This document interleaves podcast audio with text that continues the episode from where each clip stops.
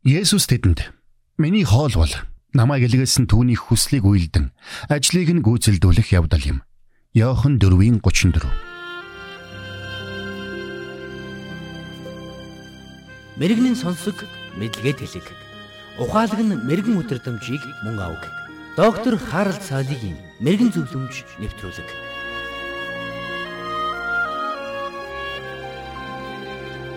Британчуудын дундаас Йорк Шайрчууд хатуу ширүүн зан араншинтай гэдгээр хурц ухаан, шаргуу хөдөлмөр, нарийн тооцоотойгоор алдартай хүмүүс.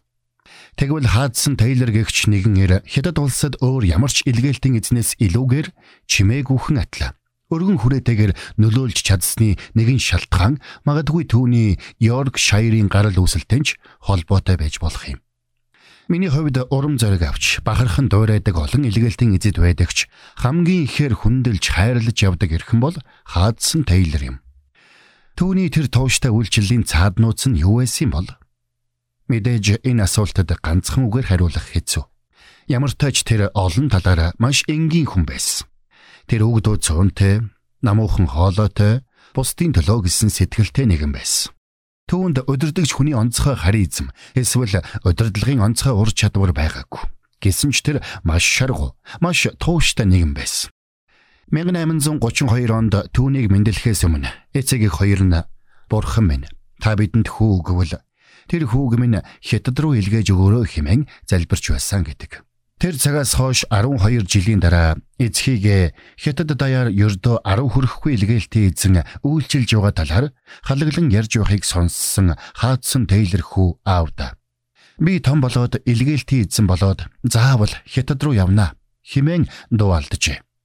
Хэдийгээр эцэг нь хүүгээ хятад руу яваасай гэж залбирдаг байсан ч хаадсан Тейлор шиг бие муутай хүүхдийг эх орноо орхин хол газар явж чадна гэдэгт ховда огт итгэдэггүй байсан гэдэг. Гэвч бурхан хаадсан Тейлор хүүгийн Йорк Шайрын зөрүүд занг ашиглаж түүнийг түүнээс хав илүү боловсралтай, илүү чадвартай, илүү өндөр байр суурь бүхий хүмүүсийн хүрч чадаагүй өндөрлөгт хүргэсэн юм. Улмаар 17 наснда Христэд итгэж түүнд амьдралаа зориулах шийдвэр гаргасан тэрээр шууд л хятад руу илгээгдэхээр бэлтгэж эхэлсэн гэдэг. Гэвч хятадд очисон эхний 6 жилийн хугацаанд тэр Шанхай болон Нимпод үйлчилсэн боловч төдийлөн амжилт олоогүй юм. Хамгийн гол нь Тейлор тэнд байсан илгээлтийн эзэдтэй нийцэж хамтарч ажиллаж чадахгүй байжээ. Учир нь тэнд амьдарч байсан ихэнх илгээлтийн эзэдийн амьдрал Америк юм уу? Англи дэх тэдний амьдралаас огт ялгарахгүй байсан байна. Тэд барууны хэв маягаар амьдардаг байснаас гадна зарим нь бүр хувийн зарцтай байсан гэдэг. Соёлын энэ ялгаа сайн мэдээ тараахт нь саад болж байгааг ухаарсан хаадсан Тейлор үсээ хэсэгчлэн хусаж харин үлдсэн хэсгийг нь урт ургуулan сүлжжээ. Тэгээд сүлжсэн үсээ будуулсан байна. Үсний будагнаас болж нүүрнийх нь арьс түлэгдсэн байсан ч тэр зогссонгүй.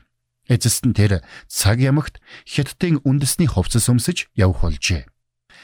Нутаг нэгт илгээлтийн эзэд нь түүнийг хүлээн зөвшөөрөхгүй байгааг ойлгосон Тейлор Британи руу буцаж хятадын их газрын илгээлт хэмээх өөрийн илгээлтийн байгууллагыг үүсгэн байгуулсан байна. Улмаар тэр ямар ч үнцнэр хамаагүй хятадд сайн мэдээ тараана хэмээн сэтгэл шулуутсан бүлэг илгээлтийн эзэдийг дагуулan 1866 онд хятадд иргэн иржээ. Энэ бүх үйлчлэлийнхээ явцад Тейлор маш их төлөөсийг төлсөн юм. Тэрээр нэгэнтээ хэрвээ надад 100 паунд байвал би түүнийг хятадд зориулах болно.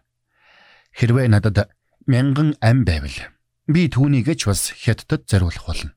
Үгүй ээ, хятадд биш, Христэд зориулах болно. Хэмээн бичсэн байдаг. 1899 онд боксеруудын бослог хэмээн түүхэнд бичигдсэн аимшигт бослог өрнж 153 илгээлтийн эзэн тэдний 53 хүүхэд амиа алдсан байдгаас ихэнх нь Тейлорын илгээлтийн байгууллагатай холбоотой хүмүүс байсан юм. Энэ хүнд цохилтоос Тейлор бүрэн гарч чадаагүйч.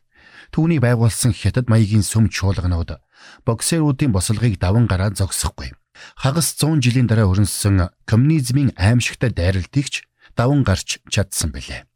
Тэрээр нэгэнтээ Бурхны ажлыг Бурхны арга замаар хийх үед Бурхны хангалт хизээж дуустдаггүй хэмээн хэлсэн байдаг.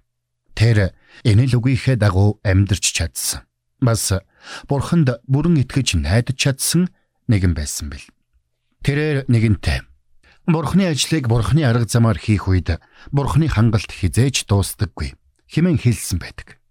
Тэр энэ л үгийнхээ дагуу амьдарч чадсан. Бас Бурханд бүрэн итгэж найдаж чадсан нэгэн байсан билээ.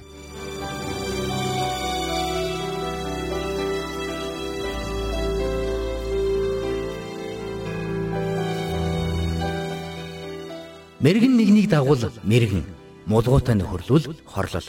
Доктор Харалт цайлигийн мэрэгэн зөвлөмж нэвтрүүлэг танд хүрэлээ.